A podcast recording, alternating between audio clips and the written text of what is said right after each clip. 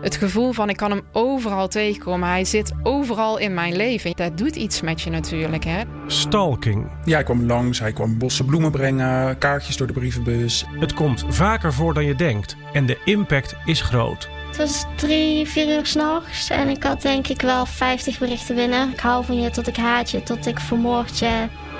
Het startpunt is altijd hele heftige emoties, frustraties of verlangens. En die hebben we allemaal in ons leven.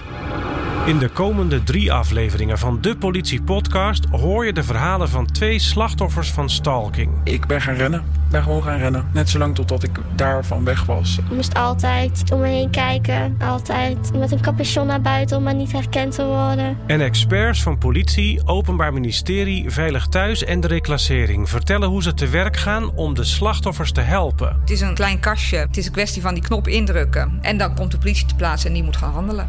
De rechter kan ook beslissen om bijvoorbeeld een enkelband aan te leggen. Naar de veilige opvang eh, gaan. Hè? Dan moet je denken aan een blijf van blijfhuis.